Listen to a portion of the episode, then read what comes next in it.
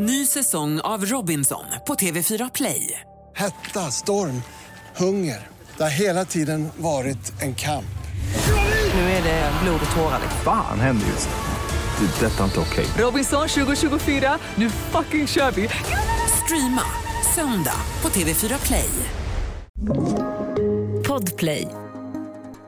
Live från Studio 1, du lyssnar på The Daily Messiah, ditt nyhetsflöde med mig, Messiah Hallberg. Klara Doxtröm. John Melander Lambrell. Igår så, ja, jag hade ju en, en prata igår om Adam Alsing, att det var två år sedan som vi sist jobbade med honom.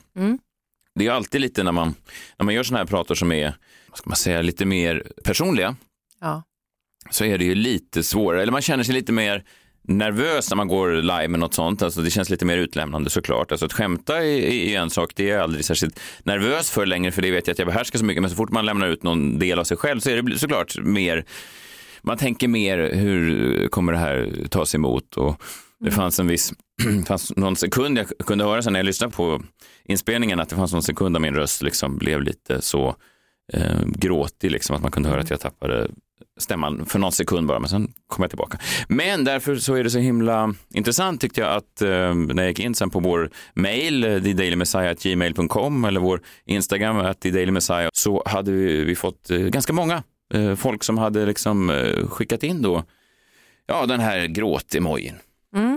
Och det betyder ju såklart mycket, så går man in och läser och så ser man vad de skriver. Så alla har skrivit samma sak också. Jag ska inte säga det är inte jättemånga, men det är fem, sex stycken som skriver exakt samma sak. Det är gråtemojin och så skriver de eh, i stort sett en stil med eh, Tack så himla mycket att ni spoilade vem som vann första delen av American Song Contest. Jag hade tänkt se den på tv. Nu har jag ingen tack vare er. Tack! Det är så himla... Ja, med Wyoming där. Det här är ju, jag ska inte... Ja, det Jag är ska, det de brydde sig om. jag ska inte baktala eh, lyssnare och så vidare, för jag ska inte göra det, för det lärde de mig då när jag gjorde kommersiell radio, att man ska vara lyssnarens bästa vän. Men det här är ju anledningen också till att jag kommer lägga av antagligen med stand-up efter min nästa turné. För att folket, och jag talar till dem nu, folket, de uppskattar ju inte när man lägger ut sitt hjärta för eh, beskådan. Va? De, de, vill, de tar upp andra grejer. Man lägger ut något klipp på TikTok, något humorklipp och så är det någon kille med keps som heter Kent som säger "Eh, du glömde berätta när skämten är. Kanske när folk skrattar Kent! Ja, ja, ja, i alla fall. Så jag spoilar då American Song Contest, som dessutom gick i måndags. Okej, skitsamma, nu ska jag spoila lite andra grejer här. Ehm, här kommer några... Vänta nu, vad ska du spoila Vad sa nu? du? Nej men jag vill inte ha någon spoilers. Jo, jag skiter i det nu. Nu, nu är det spoil, spoilafton här. Okej. Öppna öronen nu, spoiler alert. Martin Melin tog hem Robinson-statyetten i den allra första Robinson-tävlingen. Han slog Kent Larsen från Lycksele. Spoiler alert! Det här lilla barnet i sjätte sinnet, död tydligen hela tiden. Död!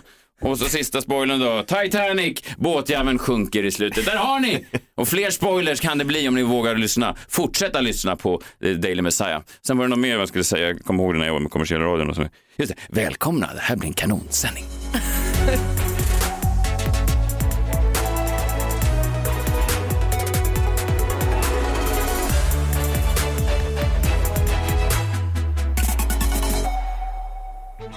Torsdag, hörni, jag är faktiskt egentligen på bra humör. Jag bara var tvungen att få det ur bröstet. Ja, bröstet, vad säger man? Från bröstet. Från för, bröstet. Ja, eh, för att det är alltid så. Man kan göra hundra poddinspelningar av någonting i, i perfekt kristallklart ljud och sen första gången man får ett mejl från någon eh, kille i Eskilstuna så är det så här, jag tyckte det var lite knackigt ljud igår, eh, jag skulle bara säga det. Just det, det är det de skriver om alltid, ljudkvaliteten. De bara, vad, vad vi pratar om, det är ingen som bryr. För de här gratisätarna, va? de börjar bli väldigt bortskämda. gratisätarna, nu ska vi se om det står någonting här i min kommersiella radiohandbok om att kalla lyssnarna gratisätare. Det ska man inte göra. Nej. det ska man inte. Nej. Nej.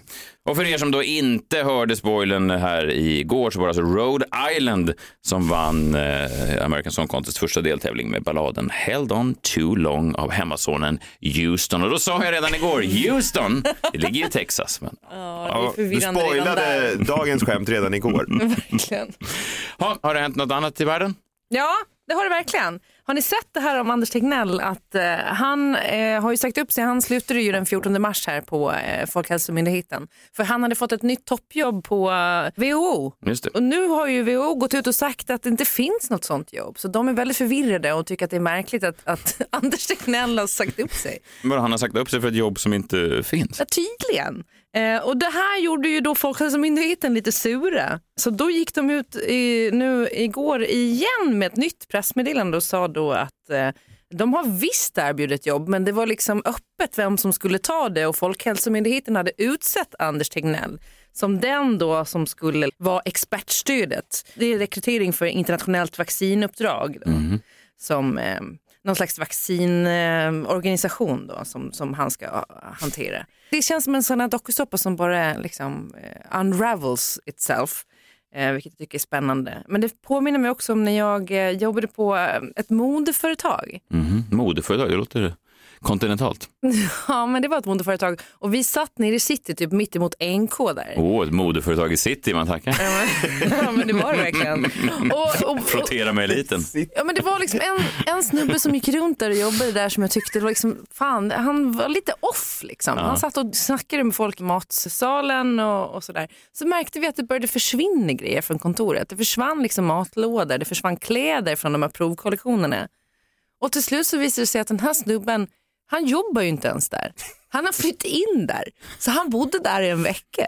Han, var bo- hemlös. Ja, han var, mm, okej. Men du menar Tegnell nu, han vill flytta in hos WHO? Det känns ju som att Tegnell blir ju som eh, liksom vår hemlösa kille var. Han kommer bara gå runt där i lokalerna på WHO och ingen kommer veta vad han gör eller vad han liksom... Eh, Han kan Påminner, bara försvinna upp där i det där. påminner lite om eh, när Kramer i Seinfeld jobbade på ett jobb som han inte ens jobbade på. Exakt. These reports you handed in, it's almost as if you have no business training at all. well, I'm sorry. There's just no way that we could keep you on. I don't even really work here. That's what makes this so difficult. Ja, det är svårt. Hur sparkar man någon som inte jobbar där? Det var inte, det var inte så man såg Tegnells. Alltså, han var ju... Men var han hemlös hela tiden? Alltså, gled, han, gled han bara in på Folkhälsomyndigheten och sa det här tar jag? Nej, det är, jag tror, i Tegnells fall så är det ju inte riktigt så illa men i, på det här modeföretaget i city där var det faktiskt en hemlös eh, snubbe och han ville ju bara ha någonstans att bo. Ja, Det förstår jag det. Jobbade ni med moderna herrkläder? Ja, ja, bland annat var det ju Brothers. Oh, herrkläder av modernt snitt i city, man tackar.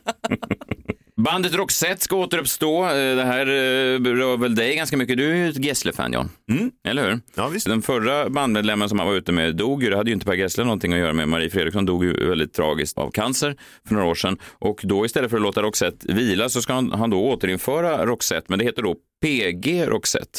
Det är alltså eh, Per Gessle tillsammans med två nya sångerskor, Helena Josefsson och Dea Norberg som kliver in. Förstod inte det där namnet. Alltså jag fattar att det är hans initialer då, PG Roxette. Men på eng, alltså i USA så är PG, alltså parental guide då, att det är kanske det. PG-13, att det, det här är liksom, För vuxet. ja men för vuxet eller då för barn, att PG, så att jag vet inte, är det, ska han ha vuxnare texter kanske? Är det det som är eh, tanken med Roxette? Och är han inte för lite förbi vuxet nu? Det känns ju som att han har varvet vuxet. Ja, det hade varit snyggare om han hade vänt så att det var GP, gubb-Per också.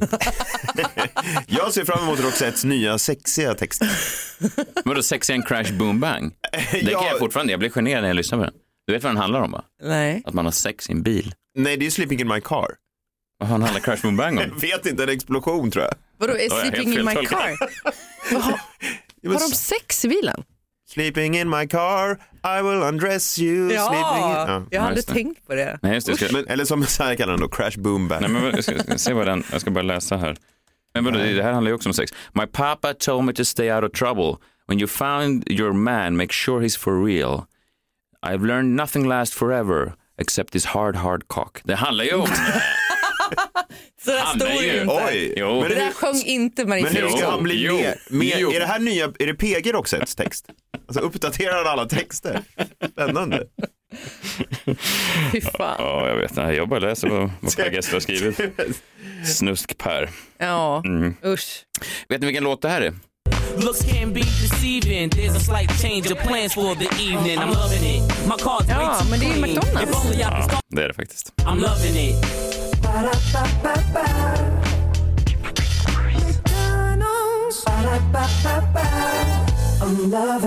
Det var ju rapparen Pusha T som skrev den här. Pusha T. Ja. Framgångsrik stor rappare som skrev den här då för den, den här omvandlar ju hela McDonalds varumärke. De var ju lite på dekis. De har ju alltid sålt en jävla massa burgare. Det har inte, varit, det har inte gått någon nöd på här McDonalds. Jävla massa Ja, burgare. men det var det ju så. helt ute då innan. Ja, men det var ju lite, det kom ju massa nya eh, trender och det var ju, sågs ju som en liksom, lite luffarmat va. Och sen kom ju då, det var Justin Timberlake som sjöng det här gamla, så fick de en varumärke som liksom har tagit dem 20 år fram i tiden. Pusha T då har varit sur i alla år för han skrev den här, fick en engångssumma, men sen när man förstår då vilken typ av ruljans den här skulle kunna ha gett eh, honom, alltså ekonomisk ersättning om den hade varit en, löpande. en, han, alltså en klumpsumma i Ja, början. Ja. Lex Hans Rosenfeldt eh, som skrev Bron och sen då eh, får ersättning för liksom den svenska och sen ser han att den har sålts till 80 Och länder. Lex Loket som fick erbjudande om att han skulle få några, några öre Just per såld Bingolott för Och evigt. sa nej. Ja, 50 öre tror jag han skulle få per Bingolott. Ja. ja, det är ju trist.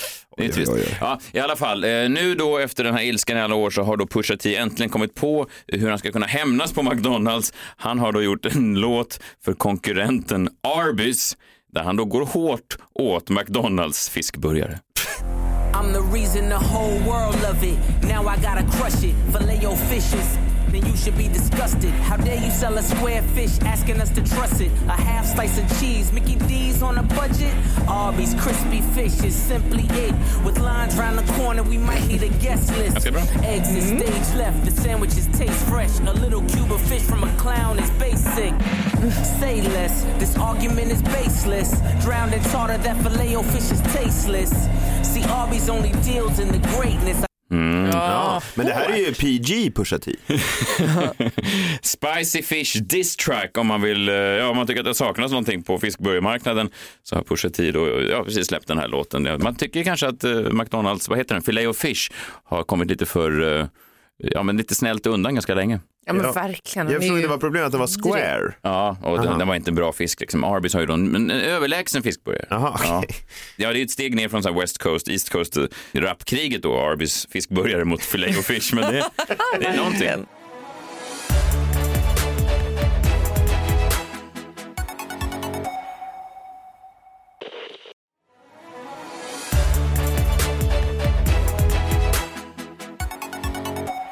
Har inte sagt det, men vi, det här är första gången vi ses allihopa i samma studio på eh, vad som känns som jättelänge.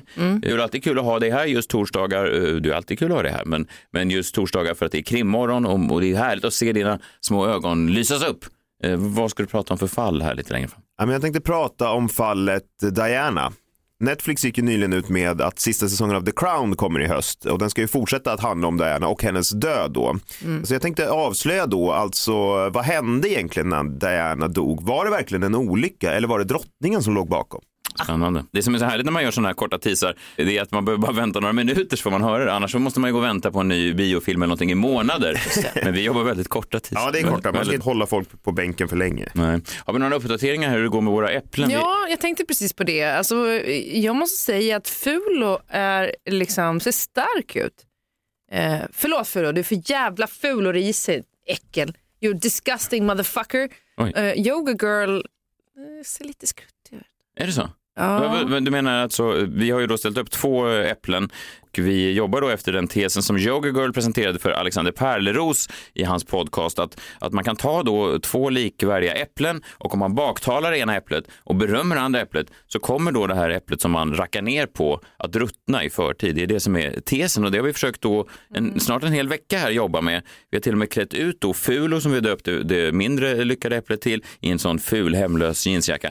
Medan då Hemlös. Ja, men, men, men då Yoga Girl har ju en sån glittrig, lite mer flärdfull, alltså kanske från ett modeföretag i city, vad vet jag? vad vet jag?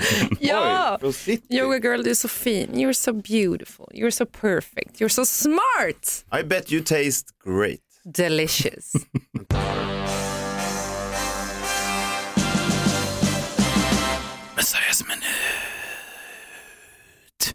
Vi hade några lyssnare som hörde av sig, två av varandra oberoende lyssnare som hörde av sig med samma ärende och då, ja precis som de här i början då som, som tyckte att det var taskigt av mig att spoila American Song Contest, så har då lyssnare hört av sig eh, dels till vår e-post och till vår Instagram eh, med lite liknande ärenden. De har sagt, eh, lyssna på det här gamla avsnittet av Freakshow, min före detta podcast, där Jakob Ökvist då siar vad som kommer hända 20-talet. Vad som kommer hända inför det glada 20-talet. Och sen hör en annan av sig, Stig hör av sig och säger eh, John Eh, lyssna på det här avsnittet av Freakshow, ett annat avsnitt och också runt årsskiftet där 2019-20, där tydligen du säger om vad som komma skall. Så jag, jag bara gick tillbaka i korta snippets här, hur det lät då när 2019 gick över till 2020 i podcasten Freakshow. Vi kan börja med Jakob, han är inte här och kan försvara sig, men han var munter, men det är Jakob på andra sidan alltid. Vi hörs i det nya året, det är 2020, det är historiskt. Ja, 20-talet börjar. Glada 20-talet. Ja, det, är, det, är, det är fan fett. Det är stort. Ja, det är verkligen. Mm. Han såg framför det glada 20talet, Jakob Öqvist. Det var, väl, eh, det var ju ganska den eh, lite mindseten man hade ändå. Ja, det var det. 2019, herregud. Ja. Ja. Eh, Här är då eh, John, eh, de första skälvande timmarna av 2020. Vi ska komma ihåg här att här var då det kinesiska viruset, eh, ja, man kanske inte ens får säga det kinesiska viruset, men det coronaviruset, men fan det uppkom väl i Kina? Ja, ja. Eh, eh, coronaviruset var bara, en, det var bara ett rykte, de hade väl precis upptäckt sin första, sitt första kinesiska sjukdomsfall egentligen där runt nyår strax innan. Och ja, Ryssland och Ukraina, det var ju ännu då flera år fram i tiden. Så här såg John framför sig sitt kommande decennium. Hej, hej, tack. Kul att vara här. Eh, Det känns bra. 20-talet ska bli eh, mitt decennium. Hela decenniet? Ja, hela decenniet. Otroligt. Eh, det jag hade gemensamt med Zlatan i början på förra decenniet var att jag också var ung. Ja, just det. Och nu är jag inte lika ung, men det ska ändå bli mitt, eh, mitt decennium så att säga. Ja, det finns ett hopp att Milan kanske kommer och rycker i dig. ja, han är, jag, är, ju- jag har ju några år kvar till 38 så eh, det Har- finns chans. har- Jävla start på nya årtiondet. Det glada verkligen. 20-talet. Du började eländigt där med DNs mörka uppmålning av 2020. Ja. Jag tycker att det här, löftet är inget mer sånt. Nu ser vi framåt. Nu slår vi in oss i paketpapper och njuter av Ja. glada 20-talet. Vad unga och naiva vi är. Fy Fan. Mitt så dumt också. Kommentar? Dumt. Ja, alltså jag hade behövt eh, en längre period mellan en global pandemi och tredje världskriget. Tänker jag bara. Det hade Ja. varit skönt med någon li- liksom, lite längre ja, Ja. semester däremellan. Men det som också är fascinerande är ju när man ser tillbaka hur kort sträcka det var från ja, men här då, tidig januari 2020 till bara pandemin. Det var ju bara några veckor. Man visste ju inte det. Det var ju någon som skrev då på Twitter för, var det förra veckan att de sa att det här då för två år sedan var den sista normala veckan världen fick. Liksom. Eh, Och hur länge det här varar nu, det vet vi ju inte. Men eh, ja, det är något fint ändå. Det var något fint att gå tillbaka till ljudarkiven och höra de där unga, naiva pojkrösterna av John Wilander Lambrell 36 och Jakob Ökvist redan då 57. Är han så gammal? Nej, det är han inte. Jag skojar. Men han är härlig. Och han är Det glad. Han är ja, glad. det är han. Även om det inte blev vårt decennium. Nej, inte det här det kan heller. ännu bli det. Alltså, det är ju bara början. Ja, men 2030-talet. Milan kanske kommer att rycka i det. Kanske. Zlatan har också fått en egen film nu som har premiär. Det har inte någon av oss tror jag. Jag är John.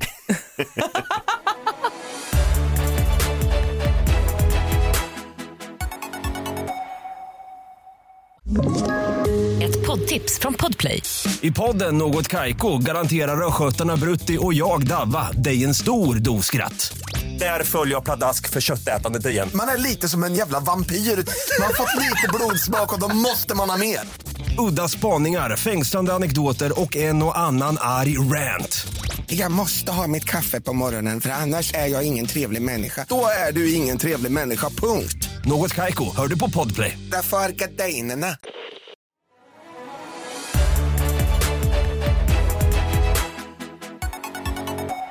På tal om filmer, eh, du pratade om Gunnar Relin här i um, tidigare i veckan.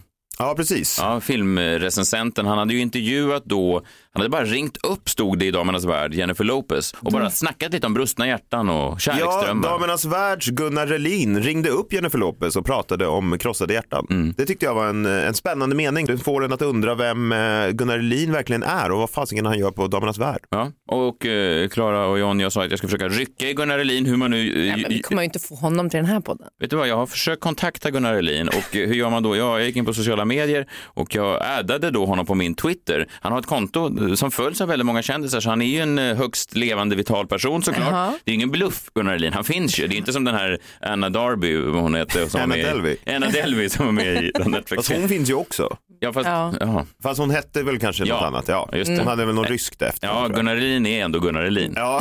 Han är ingen bedragare. Ja, vi får se om han svarar. Det vore kul att få med honom, kanske som en sån fredagsgäst. Jag skiter ju verkligen i Jennifer Lopez, men att få Gunnar Helin till sin Ja, fredagsfest. det. Det vore stort. Ja. Ja, det vore det faktiskt. Ja, nu kör vi det här. Krimmorgon. Mm. Varje torsdag eh, så tittar vår krimexpert John Wilander Lambrell närmre på ett fall. Och nu vet jag ju faktiskt vilket fall det rör sig om eftersom du berättade för mig för bara Just det. Fem- du skulle kunna bli sedan. eh, utredare. Ja, ja, ja, nu när du säger det. Du ska då prata om eh, Diana Spencers bortgång. Om en stund. Men Jaha, först. Va? Va? Va? Men först. Ja. En liten uppdatering i Delphi-fallet. Oj! Vad skrattar du åt? Nej, det är bara du, nya uppdat- Det är som att du, du jobbar med utredningen. Nej, I wish. Ja. Eh, för då kanske det skulle hända lite mer. Men alltså, nej men, ja, nej men det går säkert bra. Okej, Eh, konstapeln. Ja, men Delphi Murders då är ju eh, det som kallas för Snapchat-morden. Vi har pratat om det flera krimmorgon. Och den senaste uppdateringen som vi hade var ju då att polisen introducerade sig för en man vid namn Keegan Klein som de misstänkte då hade catfishat de här två tonåringarna då som blev mördade. Just för att de hade hittat ett konto som han använt som hade varit i kontakt med en av de här flickorna då. Sen har det liksom inte hänt så mycket mer där tills då bara häromdagen då en podcast i USA som heter Murder Sheet eh, som är väl någon slags eh, amerikansk version av Krimmorgon kom över förhören med den här Keegan Klein, det vill säga polisens förhör med dem, hur fan de nu kom över dem, för inget har ju liksom läckt från den här utredningen. Nej. Men det som var så intressant med att läsa de här förhören, det är att man märker på polisernas frågor att de är intresserade av en person. Men det är inte Keegan Klein. Det är Keegan Kleins pappa. Va? Keegan Kleins pappa Tony Klein. Och nu börjar det brännas va? Nu börjar det brännas, för när vi lyssnade på Keegan Kleins röst för några veckor sedan och jag sa också att jag tror att han är för ung. Ja. Han hade ju bara varit 23 eller någonting sånt här när morden skedde. Medan Ja. hans pappa är ju då eh, ja, uppenbarligen betydligt äldre. Och enligt polisen så har de information som eh, framkommer av frågorna de ställer till Keegan Klein då, att det är två personer som har tillgång till det här Catfish-kontot. Är ni med? Ja, så att både då sonen då hade haft tillgång till det, men även pappan. Ja, någon annan då. polisen misstänkte att antingen att de har samarbetat med det här på något sätt då och att det kanske är då pappan som är mannen på bron och på filmen. Och om man tittar på bilder på honom, ja, där bränns det mycket mer tycker jag än på Ah. Keegan Klein. Så det kan man gå in och titta på och sen så håll, lovar jag att hålla er uppdaterade i fortsättningen om vad som händer där. Men Idag ska vi prata om eh, prinsessan Dianas död. Netflix gick ju nyligen ut med att sista säsongen av The Crown kommer att handla mycket om den och den har premiär i höst. Vi ska inte gå in för mycket på eh, prins Charles och Dianas förhållande här, men i korthet så ville ju prins Charles gifta sig med Camilla Parker Bowles, eller hur? Mm. Han skickade väl sådana erotiska meddelanden till henne på, på en tid före smsen där han sa att han ville vara hennes tampong. Ja, alltså han catfishade väl henne innan catfish blev inne kan man säga. Men hon var ju då gift, eh, Camilla, och hade barn och lite sånt där. Så drottningen tyckte inte att hon passade som en fru till prinsen. Passade gjorde däremot den då 19-åriga Diana Spencer som kom från en fin brittisk regentfamilj. Spencers var den tidens Parneviks kan man säga. Hon var ett barn bara. Hon var 19 år. Men det pratades ju mycket om att det här äktenskapet var lite arrangerat och i förlovningsintervjun så yttrar ju då prins Charles fyra ord som för evigt kom att bli förknippat med deras äktenskap och som kanske förklarar allt det här. De får frågan “Are you in love?” och då svarar prins Charles så här. And I suppose in love. Of course. Whatever in love means. Ja, det är inte bra. Svara inte så på Vad sa det. han? Whatever in love means. Är du kär? Självklart. Vad nu kärlek betyder. Ja, nej, nej, man kan ju Alltså läsa. det är ju Nej. ett tips Nej, det är bara att dåligt. om man ska gifta sig snart och Mm, får en fråga mm, av mm, någon, mm. svara inte det. Nej, Alltså det nej. låter lite konstigt. Men det tyder väl också på att han var ju inte kär i henne. Nej, Det var ju arrangerat. hon var kär i honom. Det var hon väl då, men de skilde sig i alla fall 15 år efter det här och året därpå efter skilsmässan den 31 augusti 1997 så var Diana involverad i en bilkrasch i centrala Paris tillsammans med en man som utpekats som hennes pojkvän Dodi Fayed. De hade ju en dejt en månad typ. Det är väl lite olika då, men eh, ungefär. Han var ju son till en miljardär då och deras chaufför Henry Paul och Dodis livvakt Trevor var ju också med i den här bilen som kraschade då. Den aktuella kvällen fortlöpte så här. Diana och Fayed eh, då de lämnade hotell Ritz i Paris där en stor samling paparazzi-fotografer stod och de började färdas längs floden Seine. Kort efter midnatt körde bilen in i en tunnel samtidigt som de förföljdes av nio franska paparazzi-fotografer i olika fordon. Vid tunnelns början slog deras bil i den högra sidan av tunneln och flög över den tvåfiliga vägen över till vänstra sidan och frontalkrockade med en pelare. Dodi Fayed och chauffören dödförklarades båda direkt på platsen. Fayeds livvakt var allvarligt skadad men överlevde eh, och Diana dog två timmar senare på sjukhuset. Men det var efter det som spekulationerna inleddes om vad det var som verkligen hade hänt. Alltså Diana var ju en ikon för britterna och chocken av hennes död utlöste liksom en våg av upprördhet och sorg. Starkt intresse från hela världens press. Eh, I ett tal så kallade Tony Blair premiärministern Diana för folkets prinsessa.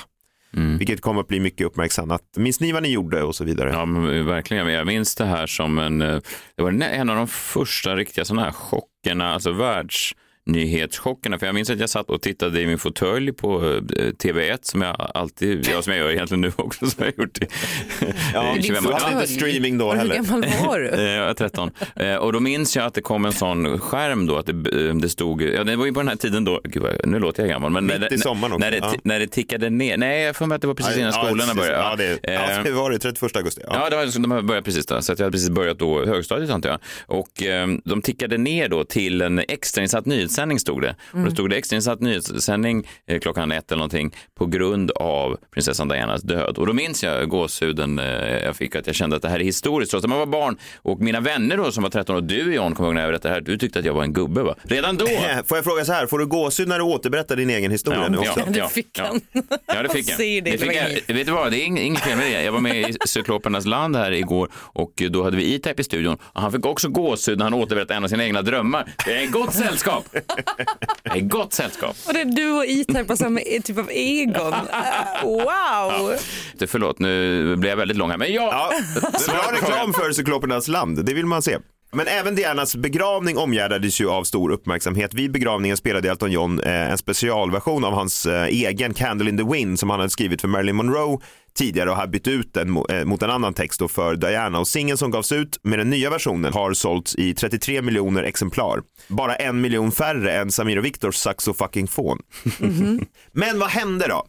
Alltså en stor konspirationsteori som fortfarande lever är att det var kungafamiljen som på något sätt låg bakom den här olyckan. Och det skulle då bero på att det fanns rykten om att Diana var gravid med sin pojkvän Dodi Fayed och att drottningen inte skulle vilja ta in muslimskt blod i sin familj. Och det här är ju en, fortfarande en stark eh, teori och någonting som eh, kungafamiljen i princip har fått svara på men aldrig riktigt gjort det. Ja, men det här har nästan blivit lite sanningen om mordet, att det var liksom paparazzi-fotograferna som jagade Diana till hennes död. Ja, det var ju Upplever den, inte ni det? eh, jo, men det var ju den, det var ju den storyn som, Ja, som var bara vedertagen. Ja, eller jag har läst annat också men Ja, sen dess ja, men de här Ja. första Ja, ja, verkligen. 10-15 åren var det ja, ju för det var ju väl då också de började reglera paparazzi-fotograferingen. och Ja, precis. Och man kan se bara timmarna efter eh, dödsfallet då i intervjuer med britter på stan som sörjer Diana, hur de säger så här, det var ni som dödade henne och pekar på fotograferna då. Liksom. Så det gick ju ganska snabbt och jag måste säga då att jag tycker att det är jävligt obehagligt när det bildas sådana där snabba narrativ. Mm. Alltså Whitney Houston dog och alla bestämde sig för att det var Bobby Browns fel, upplevde jag.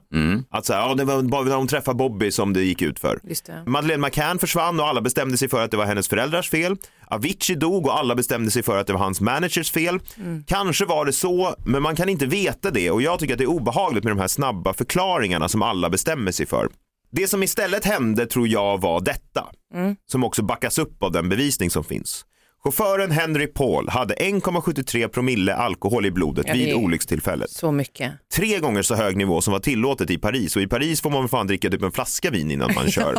Minst, man måste tror jag Alltså, en flaska vin för att bilen Ja. ska gå igång. Förlåt men 1,7 promille då, då ligger jag och sover. Man har väl också vin i tanken i, i Paris. Ja, Bourgogne. ja, då kör den snabbt. Mm. Och bilen som Diana färdades i kolliderade med den här pelaren i en hastighet av 110 km i timmen. En avsevärt högre hastighet än tillåtna 50 km i timmen och avsevärt snabbare än vad som var lämpligt i den här liksom ganska smala tunneln. År 1999 kom en fransk utredning fram till att bilen hade kommit i kontakt med ett annat fordon, en vit Fiat Uno, i tunneln. Föraren till den bilen har liksom bilen aldrig återfunnits. Kanske försökte chauffören köra ifrån paparazzi-fotografer. Kanske inte. Spelar det egentligen någon roll? Alltså man ska inte dundra in i 110 km i timmen i en smal tunnel mitt i centrala Paris med 1,73 promille alkohol i blodet. Det var det brottet som orsakade Dianas död, hur mycket man än vill försöka hitta andra förklaringar. Det var ju faktiskt en eh, otrolig nyhetshändelse eh, när det hände och eh, det är alltid intressant när man får perspektiv till det. Jag menar, yngre människor kan ju omöjligt då förstå vilka mm, smallvågor svallvågor en sån där händelse fick såklart. Men alla, alla generationer har sin egen och jag minns den, 13 år gammal i min fåtölj. Vi får se om The Crown-säsongen eh, kan fånga eh, den känslan. Ja, den nya generationen. För det, det behövs ju ibland ett, ett mediaverk för att det ska hända. Med filmen JFK blev ju alla plötsligt frälsta då av JFK-mordet igen och så vidare. Ja, trots att allt där visar sig vara dumheter. Jo, jo, jo, jo, jo fråga. absolut. Jo, visst. Där köpte du teorin rakt av med Oswald. Du gillade inte de snabba fastslagna narrativen. Där var ju egentligen Oswald från dag ett och eh, det köpte du. Ja, men den byggde ju på bevisning. Alltså, så du, du, du svävar lite när det kommer till det här. Jo, men om man kan backa upp det med bevisning, vilket man kan göra. Om man vill läsa mer om det så kan man läsa Ändå, Case val, Closed. ja, men ändå, ändå valde du att inte tro på den väldigt starka bevisningen mot Skandiamannen som Nu sköt håller du Palme. för käft. Okej. Okej, ja, vi tackar dig. Han ser det. så arg ut. Ja, hörs- din jävel, vilken ful jävel du är. Vi hör, är det här mot Skandiamannen eller mot Äpplet? Mot Fulo. Fulo, ja. Vi hörs imorgon, då är det fredag. Eh, Hej, hej. Hej! Hej.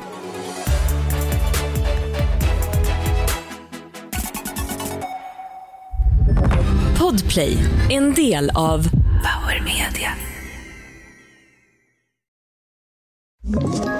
Ett poddtips från Podplay. I fallen jag aldrig glömmer djupdyker Hasse Aro i arbetet bakom några av Sveriges mest uppseendeväckande brottsutredningar. Går vi in med hemlig telefonavlyssning och, och då upplever vi att vi får en total förändring av hans beteende. Vad är det som händer nu? Vem är det som läcker? Och så säger han att jag är kriminell, jag har varit kriminell i hela mitt liv men att mörda ett barn, där går min gräns. Nya säsongen av Fallen jag aldrig glömmer på Podplay.